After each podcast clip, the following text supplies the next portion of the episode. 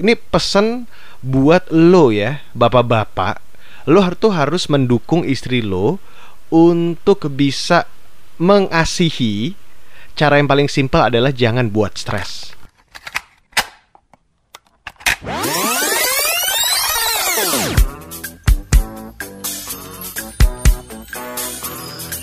The All New Reski Bicara.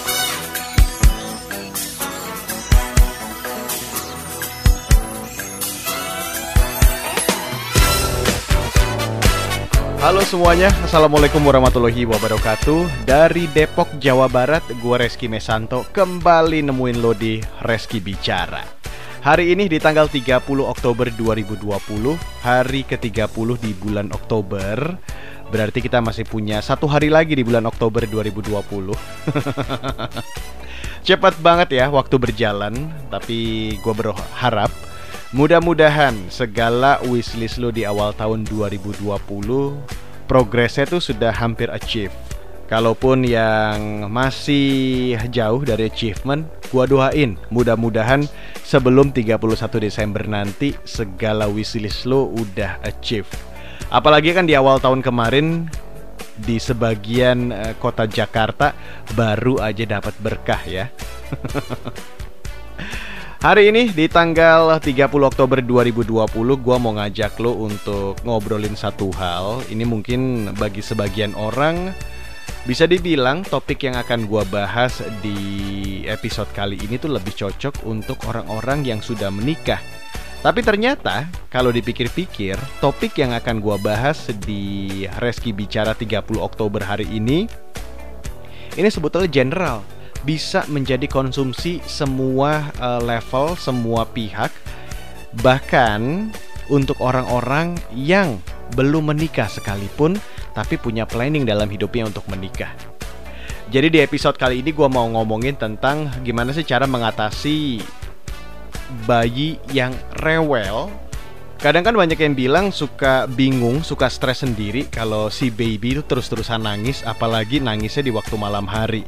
Nah pokoknya di episode Reski Bicara kali ini gue coba untuk ngajak lo semua. Kita cari tahu yuk apa sih sebetulnya penyebab bayi yang terus-terusan rewel dan gimana cara ngatasinnya. Kalau gitu langsung aja kita mulai. Reski Bicara 30 Oktober. Reski Bicara. Oke kita mulai. Sekarang kita bahas gimana sih cara nenangin baby yang nangis terus-terusan Apalagi nangisnya sepanjang malam. Oke sekarang lu bayangin. Malam-malam suasana udah tenang banget. ada suara jangkrik mungkin. Ada suara lagu-lagu slow atau mungkin lebih cocok uh, lebih atau gimana sih ngomongnya? Terus uh, ini masih lo gendong nih, anak lo masih lo gendong, terus lo coba pelan-pelan lo taruh di atas kasur dengan harapan dia langsung pulas tidur dan lo bisa melakukan hal lain. Entah mungkin kalau lo yang sebagai ibu mungkin lo mau pumping atau lo mungkin pingin mencoba untuk me time. Dan buat lo bapak-bapak mungkin pingin istirahat abis pulang kerja karena udah capek banget udah selesai mainnya udah pengen cepet-cepet tidur. Tapi gue bisa bayangin nih ketika lo taruh anak lo di atas kasur, tiba-tiba berteriaklah anak lo di atas kasur. Jujur aja ya, ini yang sering gue alamin belakangan. Jadi tahun ini gue diberi kepercayaan sama Allah untuk menikmati kebahagiaan mendapatkan anak ketiga. Jadi anak pertama gue itu umurnya udah 11 tahun, laki-laki. Yang kedua itu perempuan, udah umur 6 tahun dan yang paling kecil itu baru lahir 28 Agustus kemarin. Berarti sekarang sekitar dua bulan lebih beberapa hari. Masih inget sih gimana cara uh, nimang-nimang bayi, gimana sih cara nenangin bayi kalau tiba-tiba rungsing. Tapi satu hal yang yang harus kembali gua hadapi adalah bagaimana cara menghandle ketika bayi itu nangis tiba-tiba sepanjang malam. Ini udah gue alamin beberapa hal dan saking stresnya ternyata ini ini pesan buat lo ya, bapak-bapak. lo tuh harus mendukung istri lo untuk bisa mengasihi.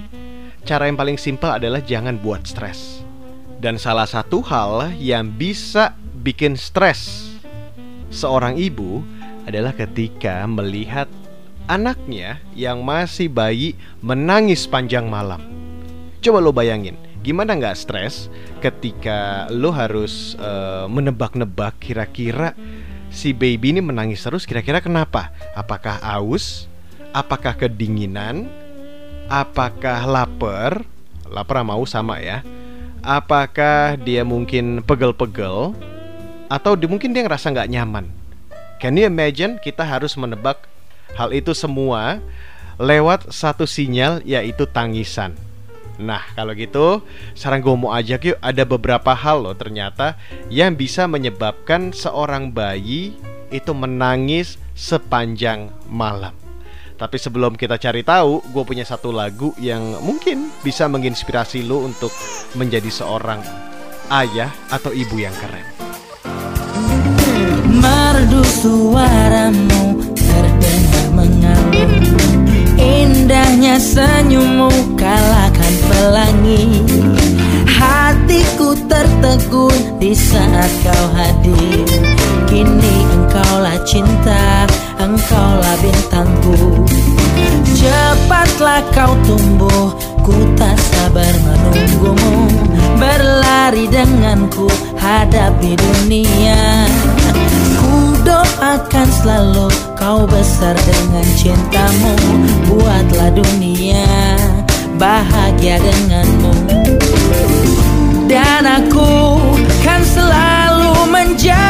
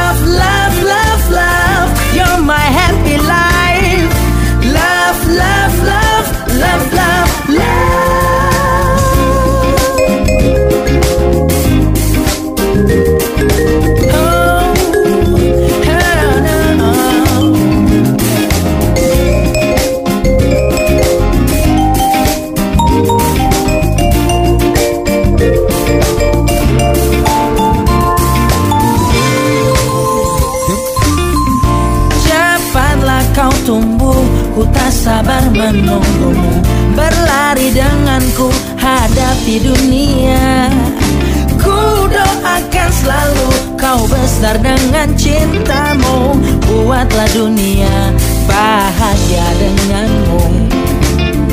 Dan aku kan selalu menjagamu Memberi yang terbaik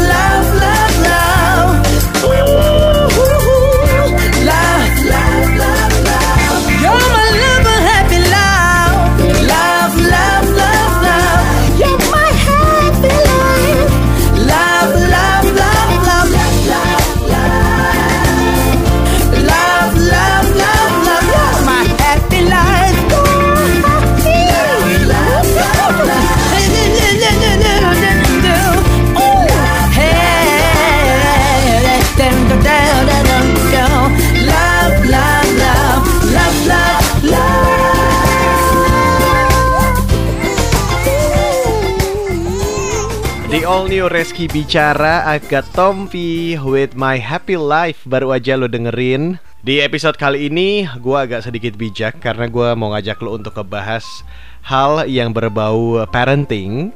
Tapi tenang aja Karena ini gak cuma buat lo yang udah menikah dan punya anak Tapi justru sebetulnya gue pengen kasih message uh, di podcast ini Buat lo semua yang belum nikah terus punya impian atau punya planning untuk menikah dan punya anak. Karena kalau menurut gua edukasi tentang parenting itu nggak selalu buat orang yang sudah menikah, especially yang sudah punya anak.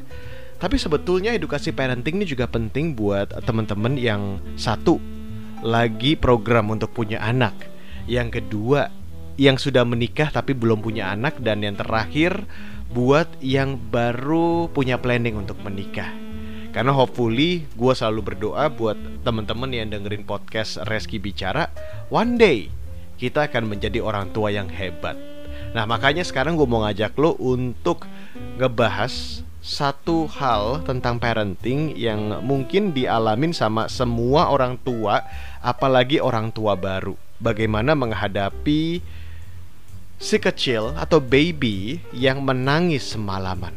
Tapi sekarang gue mau ngingetin dulu kalau buat lo yang lagi dengerin podcast ini sambil nemenin anak lo uh, minum susu dan anak lo minum susunya dari dot coba lo lihat di dalam botol susunya masih ada air susunya atau enggak?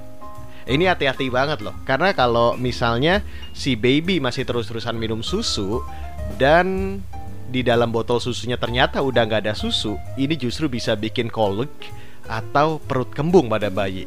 Nah, kolik atau perut kembung pada bayi ini justru nantinya bisa membuat anak lo atau bayi lo itu rewel sepanjang malam karena dia terlalu banyak menelan udara saat menyusui. Jadi sekarang buru-buru sebelum kita lanjut lagi, lo cek dulu di botol susu anak lo itu masih ada susunya atau enggak. Kalau udah nggak ada, mendingan lo cabut. Oke? Itu yang pertama. Lo inget ya, Salah satu hal yang bisa membuat anak rewel semalaman, yang bisa membuat anak menangis semalaman adalah kolik atau perut kembung pada bayi. Get that ya, poin pertama. Gak cuma itu aja, karena ada beberapa hal juga yang bisa bikin bayi menangis semalaman. Misalnya, suhu tubuhnya ternyata mendadak tinggi, nafasnya nggak teratur, suara grok-grok, itu juga bisa bikin si bayi nggak nyaman dan ujung-ujungnya bisa bikin rewel sepanjang malam. Lalu hal yang juga bisa bikin uh, bayi uh, rewel sepanjang malam ini menarik banget kalau menurut gua part yang ini. Banyak yang sering bilang kalau bayi itu nggak mungkin kelelahan. Kalau diajak jalan jauh, pasti ada yang pernah ngomong gini. Coba lu jujur ya. Pernah nggak terucap, ah bayi kan cuma tidur aja ini ternyata salah banget loh. Jadi ternyata nih, kalau lo ngajak bayi lo atau anak lo atau ponakan lo pergi dengan kendaraan darat khususnya ya mungkin mobil ya dalam waktu lama ini ternyata bisa membuat seorang bayi itu lelah. Walaupun kelihatannya dia tidur mulu, tapi ternyata tidurnya itu juga bisa bikin lelah karena dia tidur tidak nyenyak selama perjalanan. Kenapa gue bisa bilang gak nyenyak? Karena tidur di dalam perjalanan itu pasti tidak bisa tidur senyaman tidur di atas tempat tidur. Jangankan bayi, elu juga gak bisa nyaman kan kalau tidur gak di tempat tidur.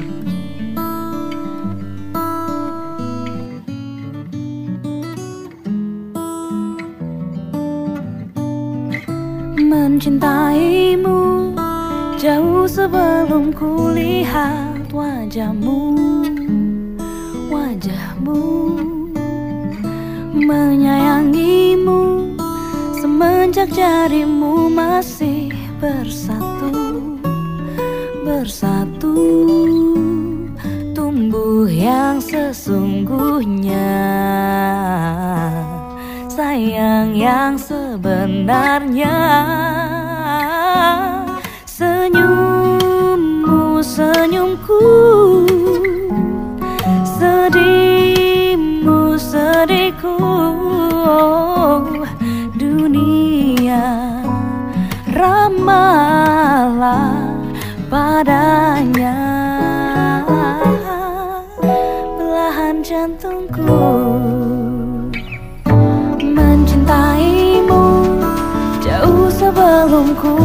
melihat wajahmu Wajahmu Menyayangimu Semenjak jarimu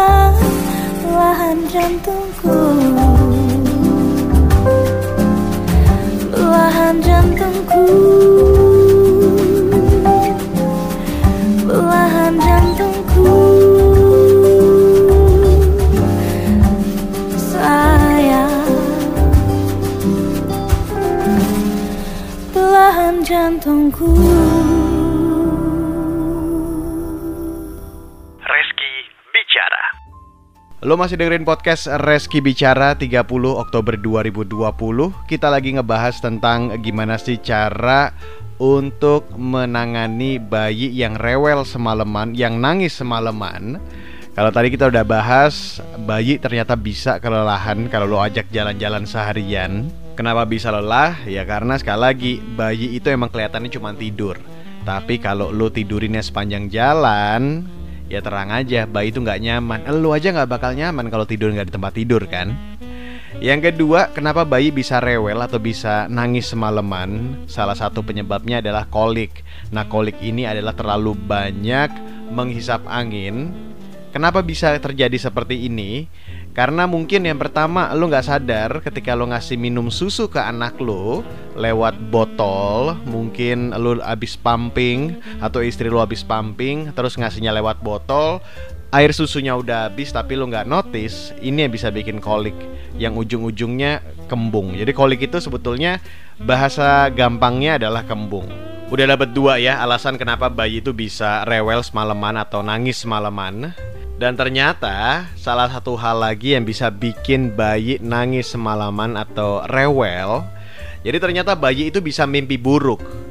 Jadi bayi yang umurnya 4 bulan ternyata punya kesamaan sama manusia dewasa dalam beberapa hal. Salah satunya bayi juga bisa mengalami mimpi buruk.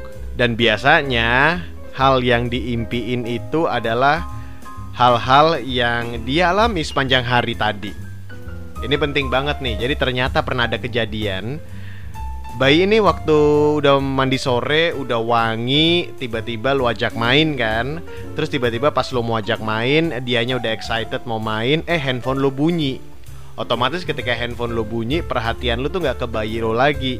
Dan ternyata bayi umur 4 bulan, kalau menghadapi situasi seperti itu Dia juga bisa mampu kecewa loh tapi sayangnya dia nggak bisa ngungkapin sama kata-kata.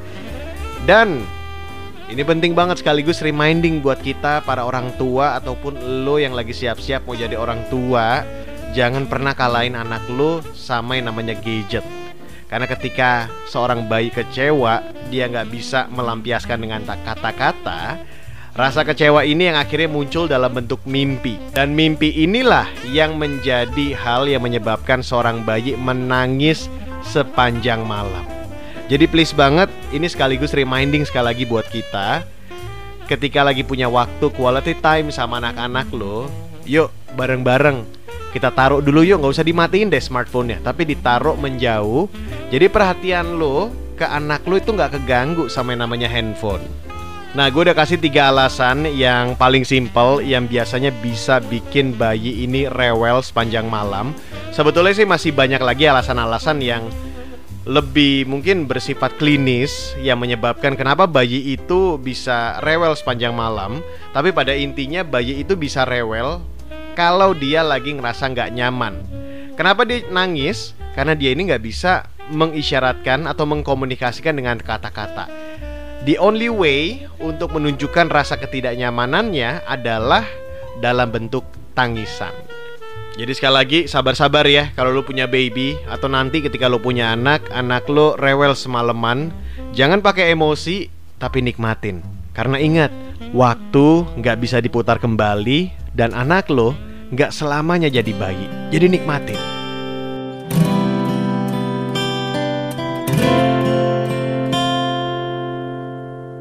Masih teringat jelas semua cerita di hari itu.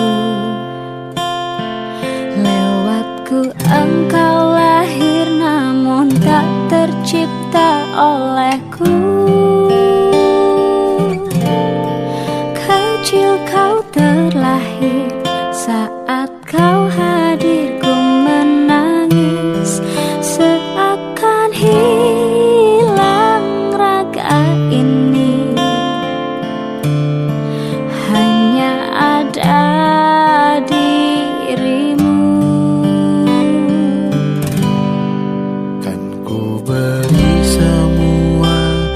kasih sayangku kepada kamu.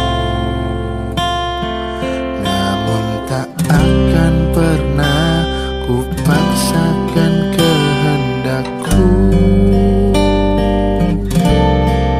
Kecil kau terlahir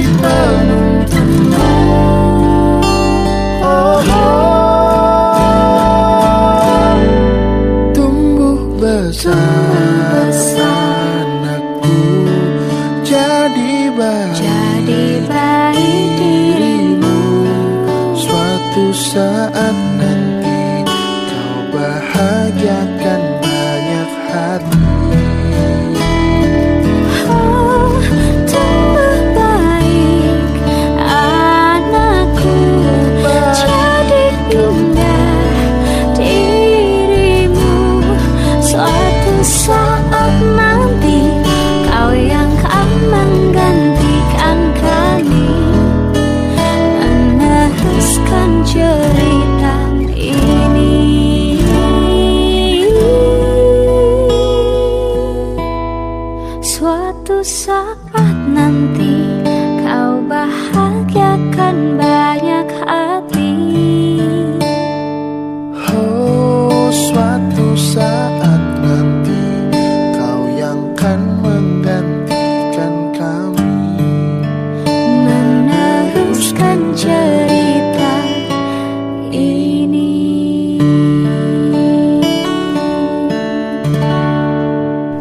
episode kali ini gue sengaja muterin lagu-lagu yang pada intinya lagu-lagu ini bertemakan atau punya cerita tentang seorang anak. gue berharap setelah denger podcast ini, hopefully lo semua bisa menjadi orang tua yang hebat. Gue pun masih belajar. Ini gue sharing aja berdasarkan pengalaman ataupun juga dari beberapa hal yang gue dapetin dari baca juga. Jadi tuh gini, gue punya satu kebiasaan ketika gue ngelihat anak gue ada sesuatu yang dalam tanda kutip ya, kok kelihatan kayak nggak beres ya. Gue biasa langsung googling, gue cari tahu tuh. Misalnya tiba-tiba uh, anak gua pupupnya atau buang air besarnya kok nggak seperti biasanya yang biasanya sehari tuh bisa 2-3 kali eh tiba-tiba anak gua udah dua hari berturut-turut dia nggak pupup nah ujung-ujungnya gua cari tahu kenapa lewat Google. Jadi beberapa hal yang udah gua rangkum atau hasil dari browsing gua gue coba terjemahin ke dalam bentuk satu podcast yang hopefully mudah-mudahan ini bisa ngebantu lo para orang tua baru ataupun mungkin orang tua yang udah cukup lama nggak punya baby sekarang mendadak harus punya baby lagi ataupun buat lo yang lagi merencanakan pernikahan one day lo akan punya anak mudah-mudahan lo terbantu dengan podcast Reski Bicara episode hari ini kalau tadi kita udah cari tahu apa sih penyebab seorang bayi itu bisa rewel semalaman sekarang gue mau ngajak lo untuk cari tahu juga gimana menghadapi bayi yang rewel semalaman. Jadi ada beberapa cara sih. Yang pasti sih gue seperti yang gue bilang tadi. Kalau bayi itu rewel itu menandakan satu hal yang membuat dia tidak nyaman. Karena seperti yang gue bilang tadi, satu-satunya cara untuk bayi bisa berkomunikasi atau bisa menunjukkan rasa ketidaknyamanannya adalah cuma dengan cara menangis. Jadi ketika dia menangis, pasti ada sesuatu yang membuat dia nggak nyaman. Jadi yang pertama yang harus lo lakukan untuk menghadapi seorang anak yang atau seorang bayi yang rewel semalaman, lo harus cari tahu beberapa hal yang bisa membuat dia nggak nyaman. Yang pertama mungkin lo bisa cek pampersnya. Siapa tahu dia pupuk Siapa tahu dia pipisnya udah banyak, pampersnya udah tebel. Ini juga bisa bikin dia nggak nyaman. Hal yang juga bisa bikin dia nggak nyaman itu adalah suhu ruangan. Entah terlalu dingin atau terlalu panas. Dan gue ternyata baru tahu Yang selama ini gue tahu suhu ruangan adalah 25 Jadi bayi itu biasanya di suhu ruangan 25 Ternyata suhu 25 itu pun sebetulnya nggak cocok buat bayi jadi waktu anak gua baru lahir, waktu masih di rumah sakit, kan kebetulan waktu itu lagi zamannya pandemi. Jadi nggak bisa ditengokin, nggak bisa didatengin siapa pun. Jadi AC mendadak dingin karena cuma gua berdua sama istri gua. ya udah dong. Jadi karena dingin, gue berusaha untuk ngatur temperaturnya supaya menjadi suhu ruangan dan bisa bikin uh, bayi gua nyaman. Gue pindahin lah ke 25 ternyata susternya datang bilang ke gua kalau suhu untuk bayi itu berkisar antara 26 sampai 27 derajat Celcius. Jadi buat lo yang sekarang lagi sama si kecil di dalam kamar, apalagi si kecil masih bayi, coba lo cek temperatur AC lo. Lebih dari 25 atau enggak? Kalau enggak, buruan lo naikin jadi 26 atau 27 karena ternyata itu suhu ruangan untuk bayi. Ya, jadi yang pertama tadi lu harus cek apa hal yang tidak membuat dia nyaman. Lu cek pampersnya, kemudian lu pastikan kalau dia nggak kepanasan atau kedinginan. Kemudian lu juga bisa coba ingat-ingat kapan sih terakhir dia minum susu. Apa pun lu menyebutnya deh, boleh nete, boleh nenen atau apa pun itu. Coba lu ingat-ingat kapan lu terakhir kasih dia susu.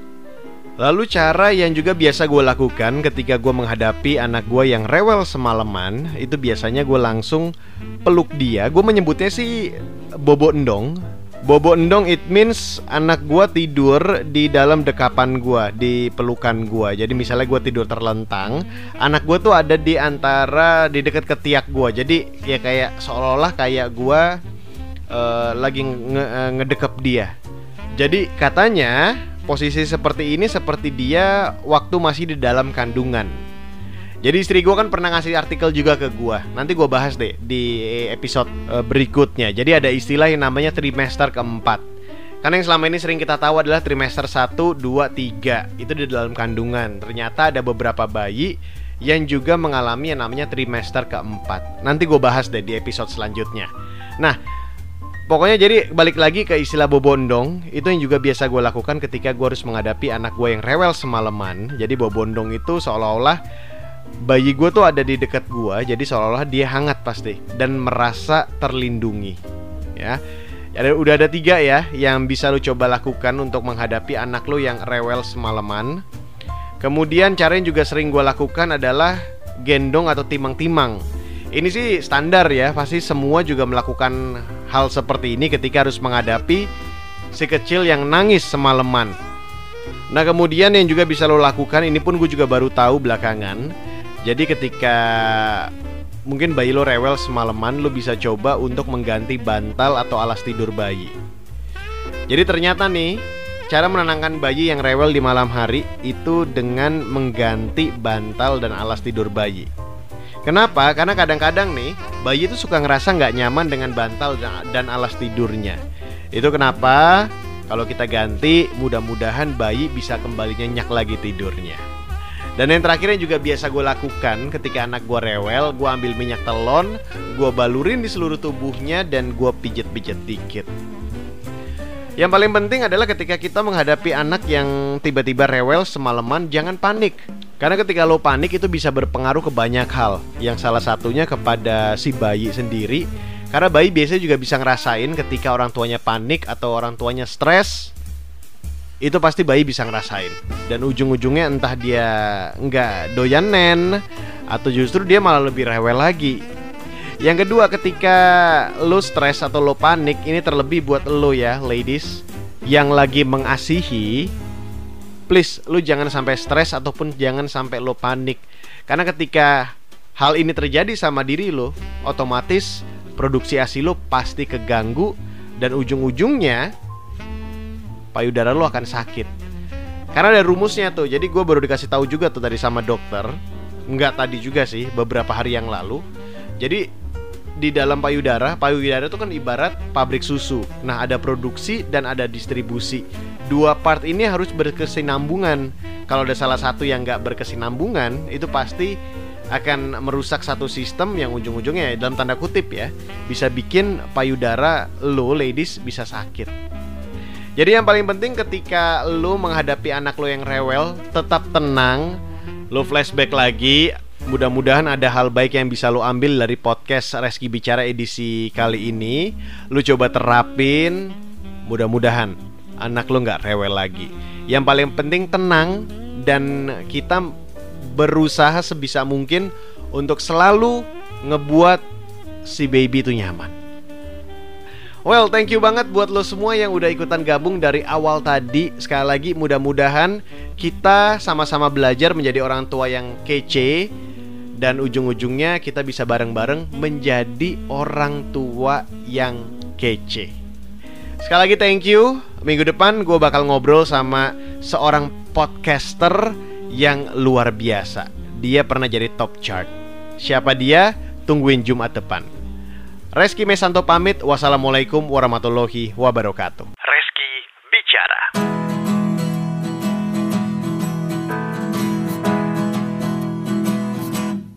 Hai kawan, jangan takut, jangan resah. Bila lampu kamar mulai dipadamkan, bukan selalu menyanyikan lagu ini. Hingga nanti kau tidur berselimut mimpi. Jangan lupa esok kita punya janji. Semakin cepat kita tidur Semakin cepat kita bertemu kembali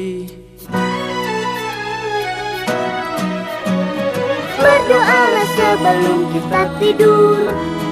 Jangan lupa cuci kaki tanganmu. Jangan lupa doakan mama papa kita. Berdoalah sebelum kita tidur. Jangan lupa cuci kaki tanganmu. Jangan lupa doakan mama papa kita. Jangan takut akan gelap. Karena gelap melindungi diri kita Dari kelelahan